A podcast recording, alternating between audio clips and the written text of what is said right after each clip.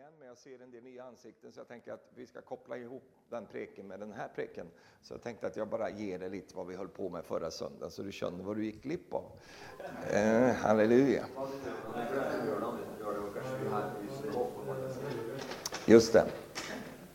Broder Håkon han ska, Martinsen, han prekar här på lördag. Det glömde Arne, men eh, det glömde inte Herren.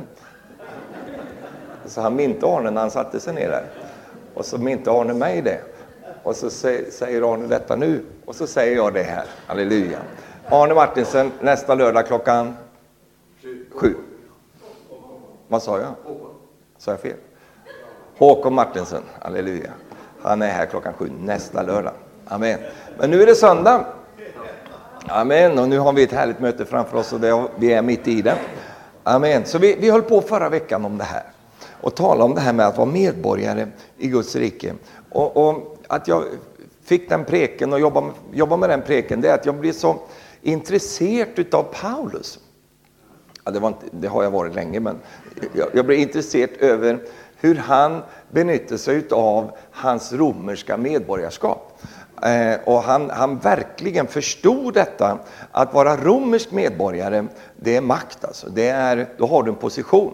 Eh, och flera gånger så använder sig eh, Paulus utav detta.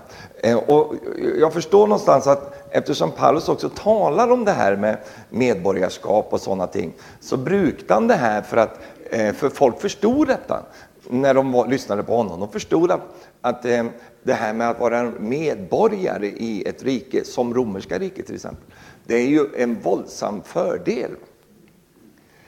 Men vi har ett annat rike Halleluja. Om romerska riket var bra att vara med i på den tiden, för det gav det väldigt mycket fördelar. Eh, du hade många, många rättigheter och det var väldigt få som fick det. Du kunde få det genom att köpa det in i det. Du kommer ihåg han eh, som jag läste om, soldaten eller befälhavaren som sa, mig har det kostat mycket pengar för att få det här. Och då säger Paulus, nu kommer det här, men jag är född in i det. Halleluja. Och du vet att det är ju så underbart därför att du kan inte köpa dig medborgarskap i Guds rike. Du måste bli född in i det. Halleluja. Och därför är det så att du, du, måste bli född på nytt och Jesus är väldigt skarp där. Eh, det går inte att förhandla sig in på något sätt, det går inte att lura sig in där, det går inte att med pengar köpa sig ett sådant medborgarskap. Det enda måten att få det på, det är att man blir född in i det. Och, och, och det illustrerar ju att du och jag, vi har fått del av detta rike. Vi föddes in i det. Halleluja. Amen. Så hur många är i Guds rike nu då? Bra. Amen. För du vet, antingen är du i det eller också är du inte i det. Eh, när du, men i den stund du tar emot Jesus, då kommer du också in i Guds rike. Men inte bara det, utan du får del av allt som är i detta rike. Jag känner att det här blir väldigt bra. Det här. Jag känner bara, jag upplever det. Var det någon profetiska grejer, Stefan? Nej, det var bara, jag bara kände någonting. Alltså, och det är det som är så härligt att i Jesus så har du inte bara, bara blivit räddad, utan du har också blivit medborgare. Du har blivit räddad, men du har också blivit medborgare. Halleluja. Och du är också en medarvinge. Eh, och du har fått en rättighet, inte bara att kallas hans barn, det har du, men du har fått många andra rättigheter också. Och de där rättigheterna ska du finna fram i. Du ska hitta dem och sen ska du använda dem, inte som en målsättning, utan som en utgångspunkt. Jag tycker om det där att vara medborgare. Vet du. Nu har jag ju blivit norsk medborgare också, halleluja.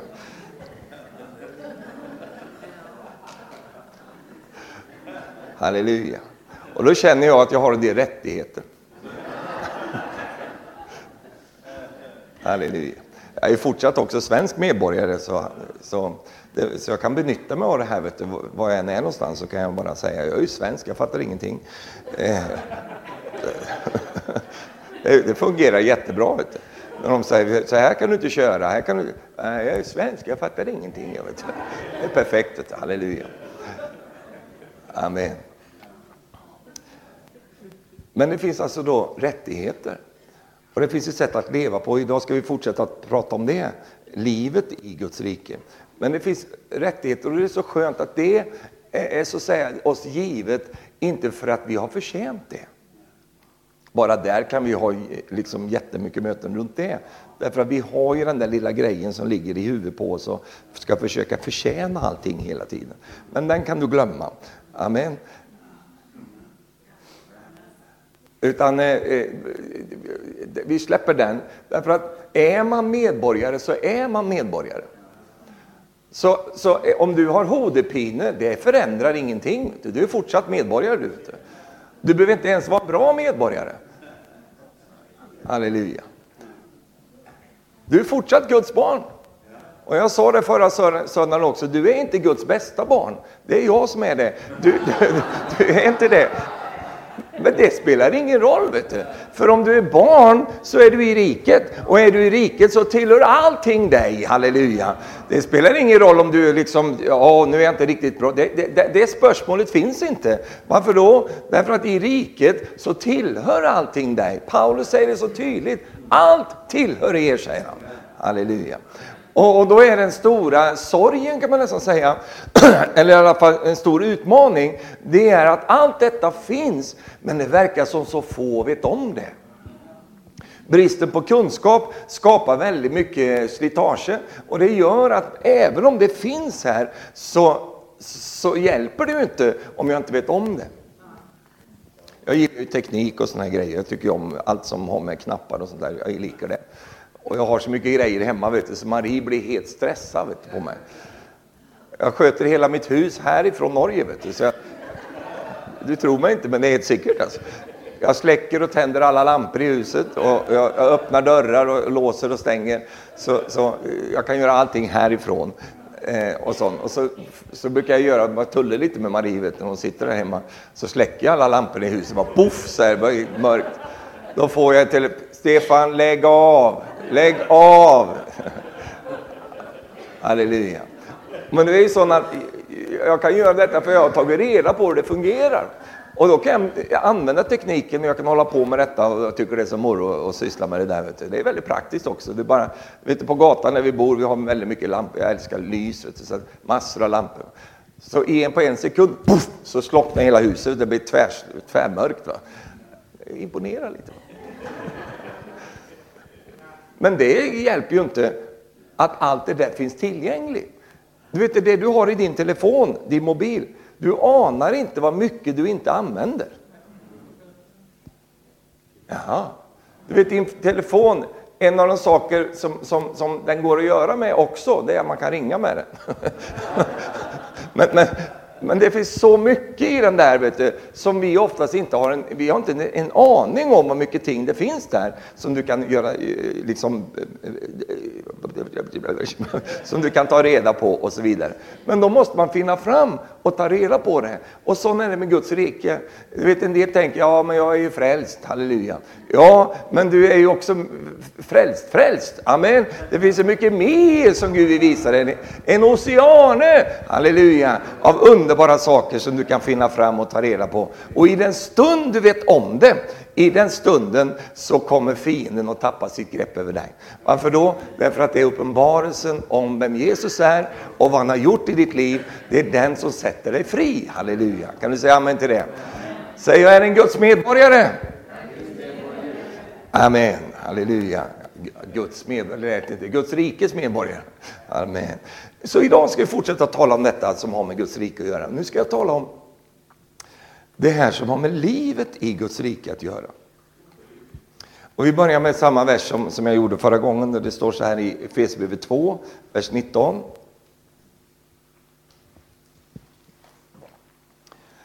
Alltså, säger han här, Paulus, är ni inte längre gäster och främlingar, utan medborgare tillsammans med de heliga och tillhör Guds familj. Då ska du tänka på det att de som hörde det här, de var just detta i det romerska riket, de var gäster och främlingar. de hade inte medborgarskap, de allra flesta. Så Paulus brukade det här nu för att tala om hur det är med Guds rike. Han säger, det är inte som det vanliga riket du är eh, satt i här, att du bara är liksom där eh, på nåder på något sätt, utan du har blivit medborgare tillsammans med de heliga och du tillhör Guds familj. Amen. Livet i Guds rike är ett helt annat sätt att leva på. Ett helt annat sätt. I alla andra riken på jorden så lever man på ett visst sätt utifrån de regler och de förhållanden som finns. Men i Guds rike har du också förhållanden, du har också regler om du så vill, du har också ett, ett sätt att vara på i Guds rike. Och det är ett helt annat sätt än det rike som kallas för världens rike.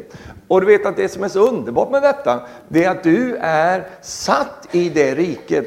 Nu bor du här nere i Norge och du, du liksom lever under det, opererar där också. Men det är inte, men det, är inte det riket som är avgörande, utan det är det rike som du tillhör, det himmelska riket, Guds rike. Amen. Och det riket opererar på en helt annan måte. Vad, vad gör Kastar du grejer här i mötena?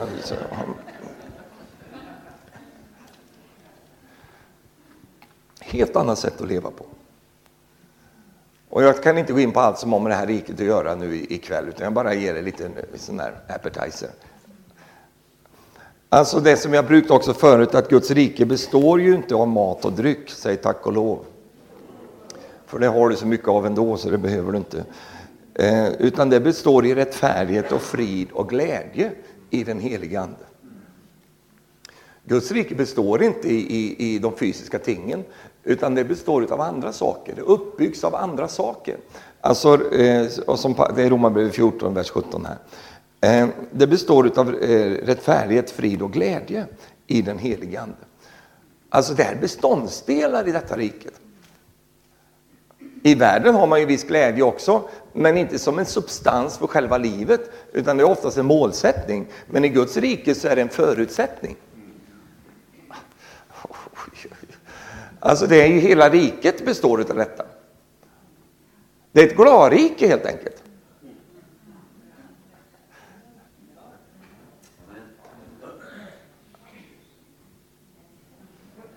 Du ska inte gå omkring och bli misstänksam på människor som är glada. Du behöver bli misstänksam på människor som är sura. Glada människor i Guds rike har ju uppfattat någonting. Guds rike är glädje. Amen som en uppehållande faktor. Frid är en annan ting. Det är eh, frid i detta rike och det är rättfärdighet i detta rike. Alla de här tre sakerna kan man ju hålla på med mycket. Men det är ett annat sätt som vi lever på i Guds rike. Kan du säga amen till det? Och så står det i vers 18. Den som tjänar Kristus på det sättet behagar Gud och håller provet inför människan. Alltså en person som lever i detta rike och, och, den livsstil som finns i Guds rike. En sådan människa håller provet och behagar Gud. Halleluja. Jag ska ge dig några saker som handlar om Guds rike, eller livet i Guds rike. Det första jag vill säga, det är att i Guds rike så är det korsets princip som gäller. Och vad är då korsets princip? Jo, det är ju som korset ser ut. Det är två armar. Det är en som pekar horisontalt och en som, eller två blir det då, och det är en som pekar upp vertikalt. Det betyder att det är två delar på korset. Och det har att göra med din och mitt sätt att leva på. Alltså, den första pålen är viktigaste och det är den som pekar upp mot himlen. Eh, om och du har ett kors där, du ser den där. Eh, för att kunna hänga på, häkta på den eh, horisontala bjälken så var man först tvungen att resa den första. Och det talar om hur livet i riket fungerar. Nummer ett, min personliga relation med Jesus. Ah. Alltså, där börjar allting. Det är min egen personliga relation och möte med Jesus. Alltså, det är inte min personliga relation med kyrkan och sen Jesus. Nej, det börjar alltid med Jesus. Ett personligt möte med honom och ett personligt liv med honom. Allting är helt avgörande där. Va? Annars så kommer den andra delen som också är korsets princip och det är ju mitt förhållande eller mitt liv samman med syskonen. Eh, alltså, hur ska jag finna syskonen? Jag måste finna Jesus först. Eh, hur ska jag kunna älska och leva bland syskonen? Jag måste leva med Jesus först. Han är, både, han är garantin för att det här ska kunna fungera. Och, och, därför så är det så viktigt med Jesus. Eh, och därför är Jesus alltid i centrum. Han ska vara i centrum i våra sånger. Han ska vara i centrum i våra böner. Han ska vara i centrum av våra, eh, vår förkunnelse. Han ska också vara i centrum i vår fällskap. Det finns så mycket botemedel här. Botemedel mot skuffelse, botemedel mot bitterhet, botemedel mot missförståelser. Massa botemedel ligger i den förståelsen av att den första pålen, den vertikala, den som talar om min relation med Jesus, den som talar om min koppling med Herren och himlen, den pålen måste först, den sträcker sig upp till himlen och den skjuter ner i jorden som ett grundfäste och så står den där stadigt och stabilt, halleluja. Woo! Hade jag haft en träckspelare nu, det har jag ju också, halleluja. Jag uppskattade, jag uppskattade aldrig, ni sjöng så fint och sånt. Han körde så fint där på sin, hade du, var det el? el?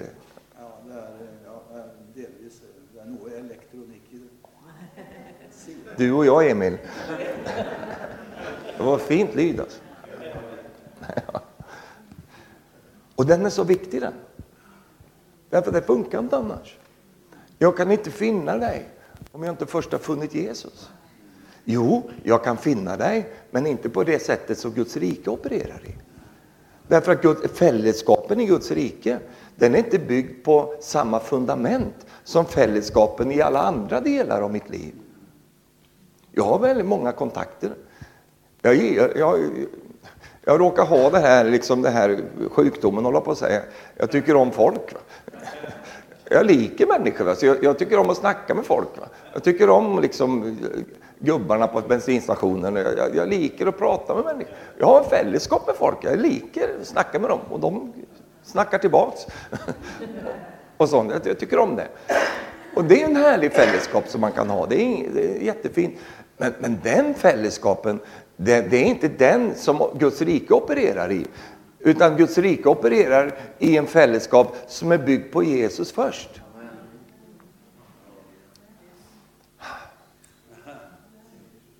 Du vet, om jag ska välja mina, då blir det mest bilkillar och det blir sådana folk som, ja. Men du vet, i Guds rike har jag upptäckt att det finns ju faktiskt en och annan som inte är intresserad av bilar. Det är märkligt tycker jag. Det är inte konstigt att vi inte har någon väckelse ordentligt va? Vi, om man inte likar bilar. Men jag upptäckte att det finns de som inte likar det. Man bara tittar på en så Man bara pratar om bilar. Och om det hade då varit min utgångspunkt, ja men då hade jag inte haft någon fällskap med den personen. Och det finns ju också ja, många olika sådana här saker. Det finns ju en del som de liker blommor och sånt där och hålla på det. Ja, och, och det finns alla möjliga typer av, av, av människor i en menighet. Titta, det får du se. Bli inte rädd nu, men kolla runt lite grann så ska du se. De sitter där.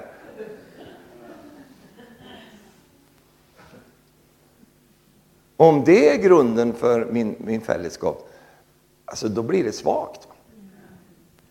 Men vi har inte oss själva som grund, utan vi har Jesus.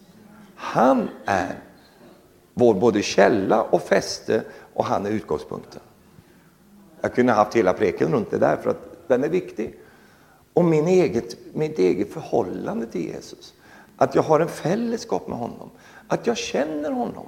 Att jag lever med honom och att han alltid kommer först i mitt liv. Nu ska jag säga en sak till här. Jesus måste komma först i ditt äktenskap. Nu mumlas det i kyrkan här. Nej, inte hon. Nej. Inte barnen heller. Jesus, han är först. Halleluja. Och när han får bli först, då har jag en förutsättning att få upp tvärbjälken. Det finns en förutsättning att hänga upp det andra också. Och vad representerar den då? Jo, den representerar ju Jesu utsträckta armar till en hel värld. Han öppnade upp sin famn för hela världen, blottlade sitt hjärta som gjorde att han var fullständigt sårbar. Och, och där var han. Och, och, när jag tänker på korsets princip så tänker jag på den principen. Av att när jag har Jesus som min garant, när jag har livet med Herren klart och det lever och det pulserar där. Ja, då kan jag lyfta ut mitt liv och omfamna människor så till och med mitt hjärta blir blottlagt. Så jag får uppleva det, att jag kan komma nära människor. Och det är korsets princip. Kan du säga amen till det? Så där är det det som gäller. Det står om Paulus, han säger så här i andra Korinthierbrevet 8, vers 5. Då står det så här, att de gav inte bara det vi hade hoppats, utan sig själva gav de. Först och främst till Herren.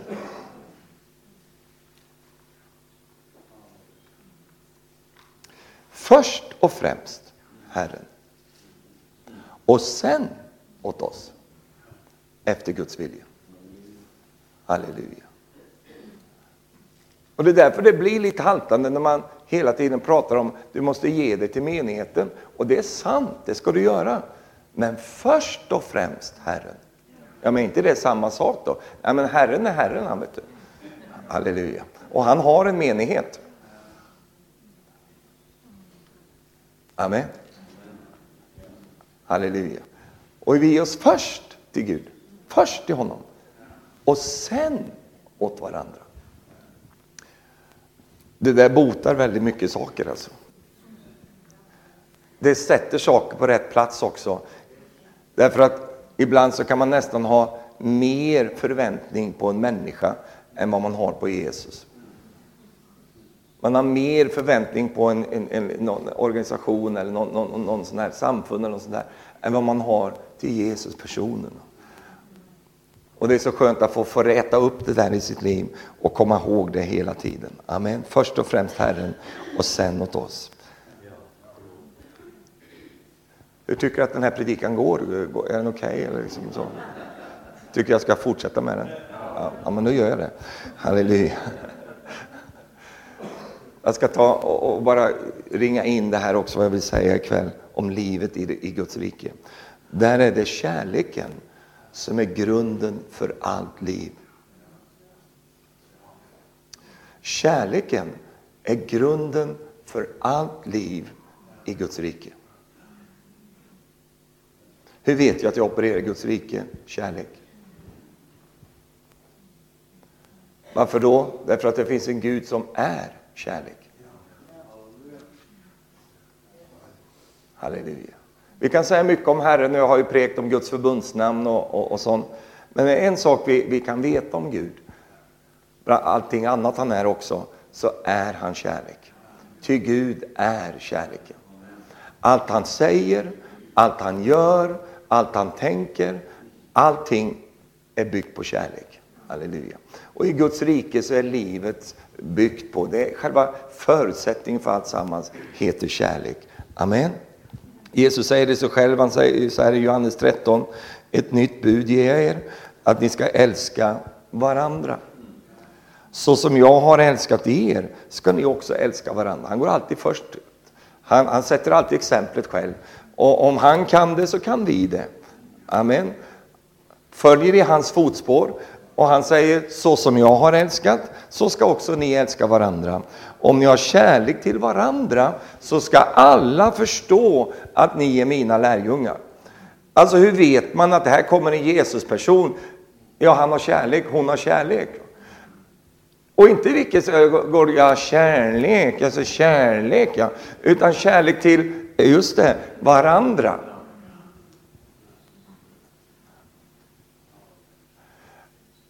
Det är ju lätt att älska alla kineser som du aldrig har träffat. Oh, vilken nöd du har för kineserna. Du har aldrig träffat dem, men han eller hon som sitter jämte dig, som, som liksom, eh, du möter hela tiden. Varandra. Halleluja. Och när ni gör det, säger Jesus, då ska alla förstå att ni är mina lärjungar. Amen. Halleluja. Är du inte glad för att det var ett sånt bud han gav oss? Kärlekens bud. För att när det är kärlekens bud, det kan alla, alla kan möta upp till det. Vet du. Halleluja. För det handlar bara om hjärtat. Det. Amen. Kan jag få ge dig kärlekens fyra pilarer? Ja, norska var det där. Pelare på svenska. Är du inte imponerad? Det är kärlek. Kärlekens fyra pilarer, fyra pelare. Kan jag få ge dem till dig? Nummer ett, kärleken är utgivande. Vad tyst det blev nu då. Den är utgivande. Johannes 3.16, ty så älskade Gud världen att han utgav. Alltså han gav ut. Du känner att du kan inte ge ut någonting som du inte har. Han gav ut någonting. Han gav ut sin son. Sin enfödde son för att den som tror på honom inte ska gå förlorad utan ha evigt liv. Kärlekens grundpilar det är att den är utgivande. Den har ett givande i sig. Den kan inte bara hålla tillbaka, den ger ut. Det är så den fungerar. Guds kärlek är utgivande. Halleluja. Hur vet jag att vi har att göra med kärlek? Jo, den är utgivande. Jag tror ibland, eftersom vi har blivit så färgade av världen och världsligt tänkande när det gäller ordet kärlek, att vi tänker ibland att, att det handlar mycket om mig. Nej, det handlar mycket om det som kommer från mig. Ja. Nu blev du lite rädd där. Ja. Den är utgivande, den ger ut, den är generös. Utgivande. Det är ett tecken på Guds kärlek. Alltså det finns en väldigt stor skillnad mellan kärlek och lustan. Och lustan, man har lust till någonting, då tänker man ju grundläggande mest på sig själv. Men kärleken i Guds väsen har inget av, av lusta i sig, utan den är utgivande. Så fungerar den. Nummer två, den är osjälvisk. Halleluja. Det står så här i Filipperbrevet 2, vers 1. Om ni nu har tröst hos Kristus, uppmuntran av hans kärlek och gemenskap i anden, och medfödelse, medkänsla och barmhärtighet betyder någonting, gör då min glädje fullkomlig genom att ha samma sinnelag, samma kärlek och genom att vara ett i själ och sinne. Var inte själviska och stolta. Var istället ödmjuka och sätt andra högre än er själva. Se inte på ert eget bästa, utan tänk på andras. Var så till sinnes som Kristus Jesus var. Och sen går han vidare och talar om hur han var. Han som var till i Guds gestalt, men inte aktade jämlikheten med Gud som ett byte, utan ödmjukade sig själv och blev lydig, ja, lydig in till korset. Halleluja. Därför har Gud upphöjt honom över allting och gett honom det namn som är över alla andra namn. För att i det namnet Jesus, alla knän ska böja sig och alla tungor ska bekänna Gud Fader till ära att Jesus är Herre. Varför fick han allt det där? Kärlek. Vilken kärlek eh, var det? Den osjälviska kärleken. Alltså den kärleken som inte har självet som grund, utan som, som är både utgivande och osjälvisk till sitt väsen. Men så där har inte jag. Jo, men i Guds rike har du tillgång till det. Amen. Den kärleken är osjälvisk. Nummer tre, kärlekens pilarer. Nummer ett, utgivande. Nummer två, osjälvisk. Nummer tre, praktisk. Blev det jobbigt nu eller? Aha. Ska det vara praktiskt också? Jajamän. Halleluja. Kära barn, säger Johannes, låt oss älska sig. Inte med ord eller fraser, utan i handling och i sanning. Halleluja. Alltså den kärlek som opererar i Guds rike, den är praktisk, den är konkret. Den, syns i ditt vardagliga liv, den, den får praktiska uttryck. Halleluja. Det är, en, det är en praktisk kärlek. Halleluja. Amen. Och ibland, vet du, ibland blir vi så andliga va? så vi glömmer bort att Jesus faktiskt var praktisk. Visste du att Jesus var väldigt bra på att laga mat?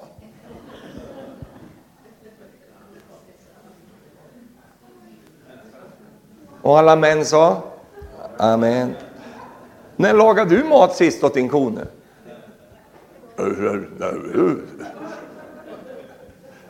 Jag säger inte att det är liksom en sån, men jag säger bara att, det, att Jesus var praktisk. Halleluja. Han såg ett behov och han mötte det. Amen. Han var konkret. Halleluja. Du vet min vän, kärleken visar sig inte bara på bönemöten. Ibland är det det sista den visar sig för att en del bönemöten är, ja, ja, vi hoppar över den. Men, utan kärleken, den, den, den, den, det är ju Guds rike. Det är pilaren i Guds rike, så den visar sig i praktiska handlingar. Halleluja. Amen. Och här har vi mycket vi kan göra och, och uttrycka denna underbara kärlek. Amen. Har ni något att äta, sa Jesus. Har ni spis, bröder? Utan han kunde det med män. Halleluja. Han visste att en hungrig man är en dålig man. En sulten man, han, han, han, han behöver äta innan man kan prata med honom. Kom och spisa. Halleluja. Den är praktisk. Nummer tre. Kärleken har sin glädje i sanningen. Den har sin, sin glädje i sannheten. Halleluja. Och detta underbara med, med, med första Korinthierbrevet 13, det står ju mycket om kärleken där. Och jag ska inte läsa allt om det, utan bara just detta underbara. Den gläder sig inte över orättfärdigheten, men den har sin glädje i sanningen. Och så vill jag smälla till med vers 8. Kärleken upphör aldrig. Den tar aldrig slut. Den, den, den, för den bär upp hela riket. Den är där hela tiden. Den är substansen i, i, och livet i hela riket. Den kommer alltid finnas där. Halleluja. Denna kärlek, vilken kärlek då Stefan? Den utgivande kärleken. Vilken kärlek då? Den osjälviska kärleken. Vilken kärlek då? Den praktiska kärleken. Vilken kärlek då? Den kärlek som har sanningen som passion. Halleluja. Kan du säga amen till det? Alltså kärleken, den blir inte speciellt glad över lögnen. Den blir glad över sannheten. Amen. Alltså inte över din sannhet, utan över sannheten. Sanningen. Halleluja. Det fanns ett program i Sverige som går inte längre, som heter Min sanning. Och det var ju väldigt bra, därför att det var ju människor som var där och blev intervjuade eh, och sånt. Och de fick ju ge sin version av sanningen. Men ni vet att din sanning, det är din sanning. Men sen har du sanningen också. Halleluja. Amen. Och en del människor säger så här, ja men jag säger bara sanningen. Du säger din sanning. Det är ingen här inne, varken jag eller du, som besitter sanningen. Ingen av oss har den. Vi har ett fragment av den, men det finns en sanning, halleluja, som kallas för Guds ord. Jesus är sanningen, vägen och livet. Han har sanningen, halleluja. Och kärleken, förstår du, söker sig alltid fram till sanningen. Kärleken blir inte förnöjd med lite halvsanningar, utan kärleken älskar sanningen. Halleluja. Japp. Halleluja. Jag sa allt det här för att fortsätta säga det här. Att utan kärleken så fungerar inte livet i Guds rike. Vi ska nog vara ganska glada för att det här är som en slags säkerhets... Eh, alltså det är någon en, en, vad kallas det? En säkerhetsspärr eller nu, nu kom den. Spärre. Spärrinen på finska. En säkerhetsspärr. Va? Det vill säga att när jag skulle vilja operera i dessa fantastiska löften, ska operera i detta underbara som är Guds rike och så vidare, så har Gud lagt ner en underbar säkerhetsspärr. Det vill säga, om inte det görs i, i kärlek så kommer det ändå inte att fungera. Säg tack och lov. Tänk om du hade fått svar på alla dina böner och fått bönesvar på alla galna böner som du har bett. Tack gode Gud att du inte har fått de svaren. För att det hade ställt till det. Det hade blivit världskrig vet du, om du hade fått, fått svar på alla dina böner. Åh Gud, ta, ta livet av honom Herre!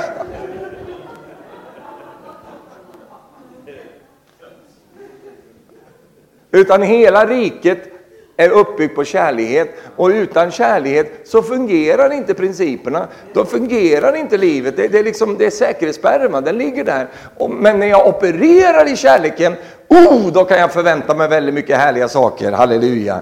Vad är det som inte fungerar utan kärlek? Tron fungerar inte. För Paulus säger så här, i Jesus Kristus beror det inte på om vi är omskurna eller oomskurna, utan om vi har en tro som är verksam i vad då? Kärlek, halleluja. Så kärleken, det ska gå bra, vi, vi, vi ska, det, det kommer gå jättebra där. Så, så kärleken är verksam, eller tron är verksam i kärleken. Vilket gör, för det, tro är ju så mäktigt. Tro kan ju försätta berg, tro kan göra fantastiska saker. Men i Guds rike så måste tron vara inbäddad i kärleken. Halleluja. Och då kommer den att fungera. Då är den verksam. Halleluja. Amen. Tron fungerar inte utan kärlek. En annan ting som inte fungerar, relationer fungerar inte heller. Vi hade ju mansmöte häromdagen och det var ju väldigt härligt alltså. Halleluja. Vad, vad tyckte du Arvid? Ja, det var fint. Fick du ordning på henne när du kom hem sen? Ja, Du, du, du trodde inte säga något? Nej. oj, oj, oj. Halleluja. Jag berättade på, på, på mansmötet där om, jag brukar tulla med Marie och lite grann om de här grejerna, det är så kul. Det är inte bara tull utan det är lite sånt. men och säger du Marie, du vet väl vad Guds ord säger? Om det här med ordningarna så, i äktenskapet. Du vet väl att, eh, att kvinnan är, eh, eller mannen är, inte kvinnan, mannen är kvinnans huvud och sådana saker. Du, du känner till det va är. Så läser jag bibelordet för henne. Och det står ju också så. Det står ju också så att kvinnan du ska underordna dig mannen. Det står i Guds ord. Och då, och då så, hon är så härlig Marie, vet du, så, så, så säger ja du Stefan, jag försöker underordna mig dig. Men det är så otroligt lågt. Va? Så jag kommer inte, jag har så svårt att komma under.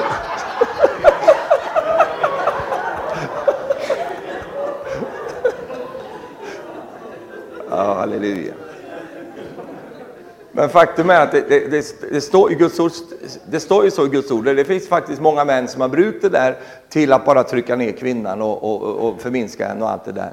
Men det är ju inte evangeliets budskap. Det är ju inte Guds ords budskap. Därför att eh, Paulus fortsätter att tala om de där sakerna. Visst, det är sant det där och det, det bringar ordning och så vidare. Men, men det står också innan jag, eh, det jag citerar från Marie, så står det underordna er varandra. Alltså vi ordnar oss in under varandra i det här. Och, och, och sen, sen, går Paulus in och talar om de här eh, sakerna i strukturerna i ett äktenskap. Absolut gör han det. Men han går också vidare och säger där i Efesierbrevet 5 och så står, står det i vers 25 så säger han så här. Men ni män, säger han. Och alla kvinnor sa mm, mm. Älska era hustrur så som Kristus har älskat församlingen och offrat sig för den.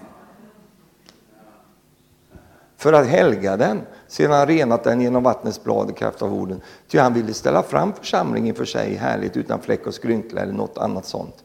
Helig och fullkomlig skulle den vara. På samma sätt är mannen skyldig att älska sin hustru som sin egen kropp. Utan kärlek så fungerar inte relationerna. Alltså du, vi kan ha alla principerna, vi kan ha allt, visst det är sant det där, men du känner att, att kärleken är själva garantin för att det här ska kunna fungera. Och när kärleken fungerar i ett äktenskap, i relationerna, då, då finner vi fram där. Vet du. Halleluja. Vi hittar vårt sätt. Vi hittar vår, och alla äktenskap är lite olika på det här, men det gör ingenting. Utan vi finner vår väg tillsammans. För kärleken är grunden för alltihop. Halleluja. Du vet, det har ju funnits sådana, sådana där man använder Guds ord till att slå ner. Men Guds ord är ju aldrig tänkt för det, utan det är ju tänkt för att instruera och bygga upp och sätta fri. Det är ju därför Guds ord eh, har kommit i mitt liv. Amen. Och när kärleken är själva fundamentet för det jag håller på med. Du vet när din fru ser att du älskar henne på de sätten jag beskrev här. Alltså du har ett utgivande liv, du har ett osjälviskt sätt, du har ett praktiskt förhållningssätt och du har, vad var den fjärde? Du är sann mot henne. Eh, då, jag lovar dig, vet du, halleluja, prisat vare Herrens namn. Hon kommer att göra allt för dig. Var det pröve?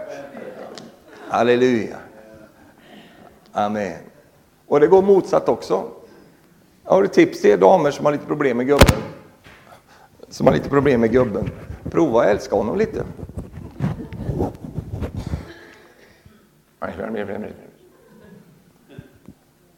Ja, men både män och kvinnor, vi är ju, ja, vi är människor.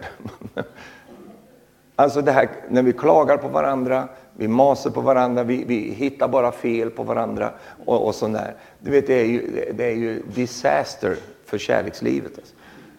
Men kärleken är ju inte sån, utan kärleken är ju motsatt. Den, den, den, den liksom är alltid positiv.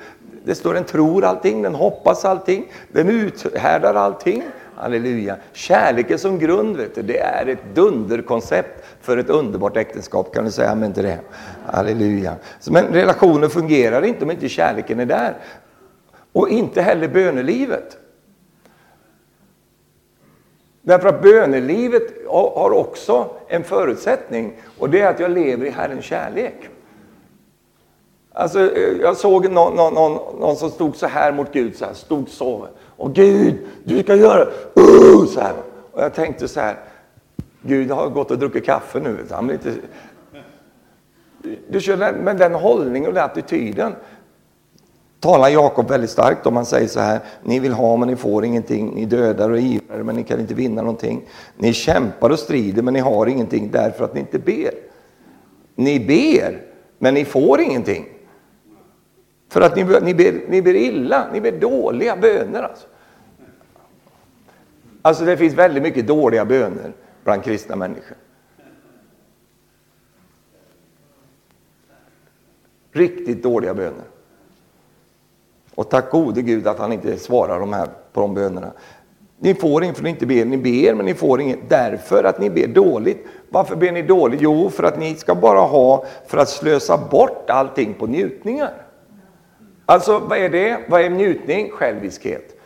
Vad är kärlek? Osjälviskhet. Halleluja. Men när jag står på kärlekens grund, då kommer mitt böneliv att få, få en helt annan fart. Alltså. Det kommer att bli på ett helt annat sätt i mitt liv. Bönelivet funkar inte när kärleken inte är där. Nummer, ja, ingen nummer på det här, men en annan sak som inte heller fungerar när kärleken inte är grunden, det är att frimodigheten fungerar inte. För, för Johannes säger så här i första Johannesbrev 4. Detta, I detta har kärleken nått sitt mål hos oss, att vi är frimodiga på domens dag. Ty sådana han är, sådana är också vi i den här världen. Rädsla finns inte i kärleken, utan den fullkomliga kärleken driver ut rädslan. Halleluja. Och vet, vi har ju sån rädsla i, liv, eh, i världen idag. Det är så mycket fruktan, så mycket frykt. Och så mycket människor som är plågade av detta. Och så har vi en underbar medicin här. Det står att kärleken, alltså den tar en aktiv funktion och driver bort fruktan ifrån mig. Halleluja. Kan du säga amen till det? Varför, varför då? Jo, för rädslan hör samman med straff. Och den som är rädd är inte fullkomnad i kärleken. Så när jag tappar frimodigheten och en del säger ja, liksom, ja, jag måste hitta frimodighet, jag måste vara lite mer frimodig. Nej, men kanske vi ska hitta tillbaks till kärleken. Därför att i, kär, i kärleken finns ingen fruktan. Amen. Jag är inte så mycket för de där fem steg till en bättre liv eller 15 steg till ett ännu bättre liv. Alltså alla de där stegen vi ska göra hela tiden. Alltså det är rätt skönt att slippa det. Utan istället bara kliva in rätt in i kärleken. Halleluja. Åh, prisat vare Herrens namn. Och fruktan blir rädd. När du opererar i kärleken. Du känner att kärleken, den har ju det över, sitt, över sig. Därför att den menar ingenting ont. Den är inte ute efter någonting. Den har ingen skjult agenda. Den vill inte manipulera. Den har ju ingenting av det. Och var ska fruktan bita tag någonstans då? När du står i den typen av kärlek. Det finns ju ingenting att häkta fast i. Allt är ju bara borta. Halleluja. Det finns ingenting som manipuleras. Det finns ingenting där. Det är bara rent alltsammans. Fruktan har inget grepp över en människa som lever i denna underbara kärlek som kallas för Guds kärlek. Halleluja kyrka. Och den kärleken är utgjuten i ditt hjärta. Den finns där och du kan bara göra den tillgänglig genom att sätta, sätta på den. Halleluja. Amen. Prisat vare Herrens namn. Kan du säga amen till det? Så frimodigheten fungerar inte i kärleken. Jag ska avsluta med detta. Du, jag tror att både du och jag kan leva i vad som kallas för den första kärleken hela livet. Hela livet. Halleluja. Jag tittar ju ut över... Eh, vi har, ju en del som... Det är lite äldre ungdomar här ikväll. Halleluja för det. Amen. Och kommer du ihåg när du mötte din kona eller din, din, eh, din man? Nej, just det, det är lite äldre folk här ikväll.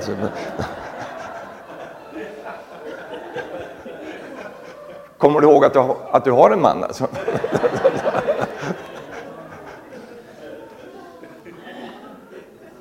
Kommer du ihåg den tiden där i början? Vill du inte komma ihåg den? Kom ihåg den. Den tiden vet du, du kunde åka 20 mil bara för, för, för att vinka på henne lite grann. Så. Du gjorde vad som helst. Vet du. Det, var, det var bara en passion. Alltså, det var något fantastiskt. Jag är bevisst om att man kan leva i den kärleken hela livet. Halleluja. Jesus är ju lite tuff, för han talar ju till menigheten här. Och han säger ju till dem eh, följande. Han säger så här. Eh, du är uthållig, du har uthärdat mycket för mitt namns skull och har inte tröttnat.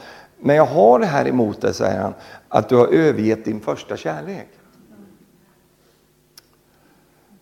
Tänk därför på varifrån du har fallit och omvänd dig och gör dina första gärningar. Dina första, hur var det där i början? Jag tror en sak som är förödande för kärleken, det är när vi börjar ta varandra för gitt. Alltså det, det, vi, är så, vi är så vant med det här. Alltså det, det, helt plötsligt så tar vi varandra för givet.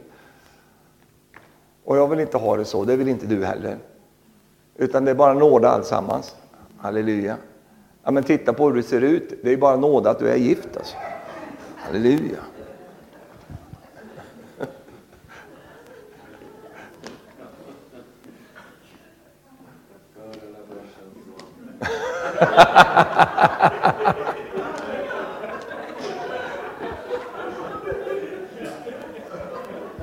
Den första kärleken. Halleluja.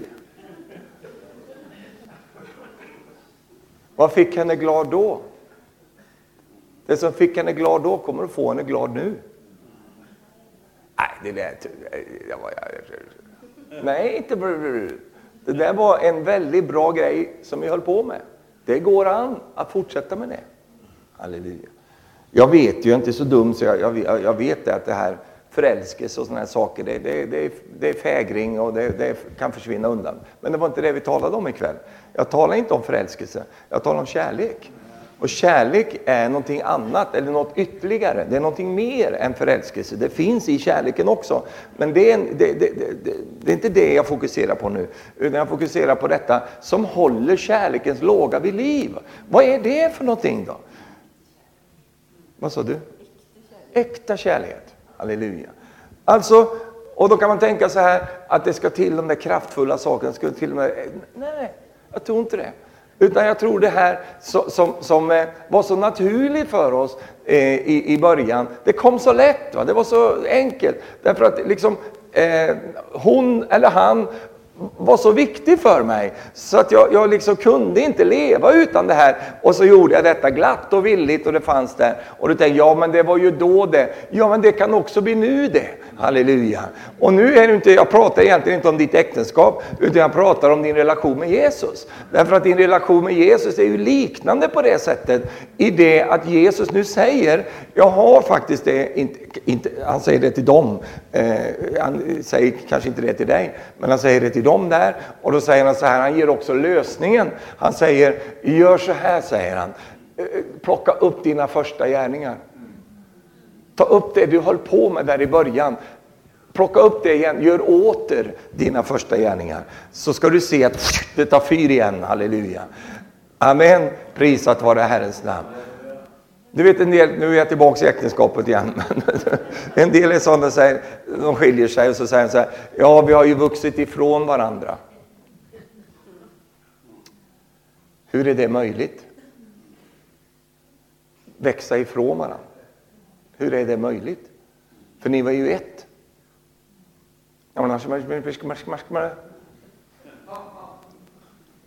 Ja, men vi har vuxit ifrån varandra.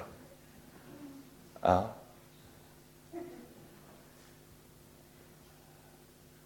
Och det betyder ju bara det där att man, man liksom har börjat med andra prioriteringar, andra saker och, och så, så, så småningom. Så jag förstår vad vi menar när vi säger så. Men jag tror att det går att, att hitta ett annat sätt att vara på. Halleluja. Amen. Tack Jesus.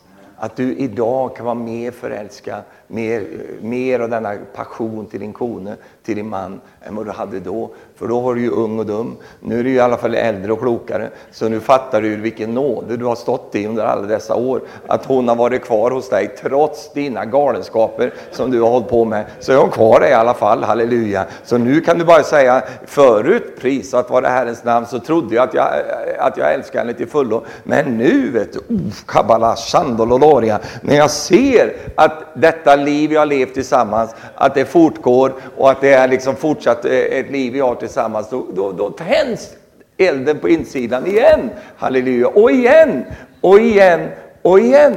Halleluja. Kan du säga halleluja? Och samma är det med Jesus. Du vet att Jesus han, han kom in i ditt liv. Jag vet inte hur han kom in i ditt liv, men jag vet hur han kom in i mitt liv i alla fall. Och han tände kärlekens låga i mitt hjärta. Halleluja. Och den där kärlekens lågan, vet du, den där elden på insidan, den, den brann så starkt där inne. Och Jesus, han var, han var, det var bara Jesus. Eh, och så fick man gå vidare och lära sig mer om honom, allt, allt det där. Och utveckla relationen till honom. Men jag upplever själv att ju äldre jag blir, ju enklare blir det att vara med Jesus. Eh, alltså i, in the middle land, när jag var i mitten, så, då, jag hade en förmåga att komplicera ihop det hela. Så det blev så väldigt teoretiskt och komplicerat. Men jag har slängt de där grejerna nu, halleluja. Jag är tillbaka till de enkla grejerna tillsammans med Jesus, halleluja. Åh, släng kyssar till Herren, vet du, halleluja. Jesus, jag älskar dig. Jesus, du är underbar. Oh, vad du är härlig Jesus. Jag bara, ja Jesus, du och jag Jesus, det är vi, vet du, halleluja. Jag har blivit så mycket mer enklare, vet du, halleluja. Och jag tror någonstans att det kan vara så i kärlekens utveckling. Det är att vi går inte från enkelhet till en massa komplicerat. För så fort saker blir komplicerat, det är då som man börjar fundera på vad är det som man har gått miste om här? Vad är det vi har förlorat när, det, när saker blir så komplicerat? Och vi måste dra in alla möjliga grejer, vet du. Låt oss sätta upp där och lite där och lite sån och allt det där. För mig så ringer det dåligt, vet du. Därför att i kärleken så är det inte komplicerat. Det är enkelt, halleluja. Åh, oh, det är Jesus och ett hjärta och som bara flödar ut från ditt hjärta. Och den där kontakten, den där härliga värmen som finns där. Du vet att du kan ju sitta med din kone en hel kväll och inte säga ett ord. Ja, det var länge sedan Stefan. Alltså, du, du, du kan sitta liksom, och, och ni har full gemenskap. Halleluja. Varför då? För att kärleken är ju på ett visst sätt. Och den är underbar. Halleluja. Känner du att du behöver återuppliva denna kärlek i ditt eget hjärta? Jag vet inte. Jag vet inte. Men om det skulle vara på det sättet så, så är han alltid där. Halleluja. Amen. Den är passionerad i Jesus. Den är Jesus som bara liksom eh, älskar dig utöver allting. Halleluja. Få leva i den här fröjden som det är att få vandra och leva i hans kärlek. Den botar och hjälper på så många områden i livet. Och den är själva förutsättningen för livet i Guds rike. Vi ska vara väldigt glada för det. Halleluja. Amen. Visst ska vi det? Väldigt glada för att det är det som är själva substansen. Och det är det som gör att vi kan leva i detta rike. Amen. Det är farligt när människor eh, liksom eh, får kraft utanför kärleken. Du ser ju vad som händer i världen när människor liksom lyckas få makt och de har ingen kärlek. Det är förödande för människor. Men du vet i Guds rike, där har vi kärleken som både binder oss till Jesus, men den binder oss också till varandra. Halleluja. Kan du säga halleluja? Amen. Einar, vill du spela lite? Kan du hjälpa mig lite grann? Så ska vi sjunga och ska vi prisa Herren. Vi ska också ta upp Herrens, eh, vi ska dela Herrens måltid.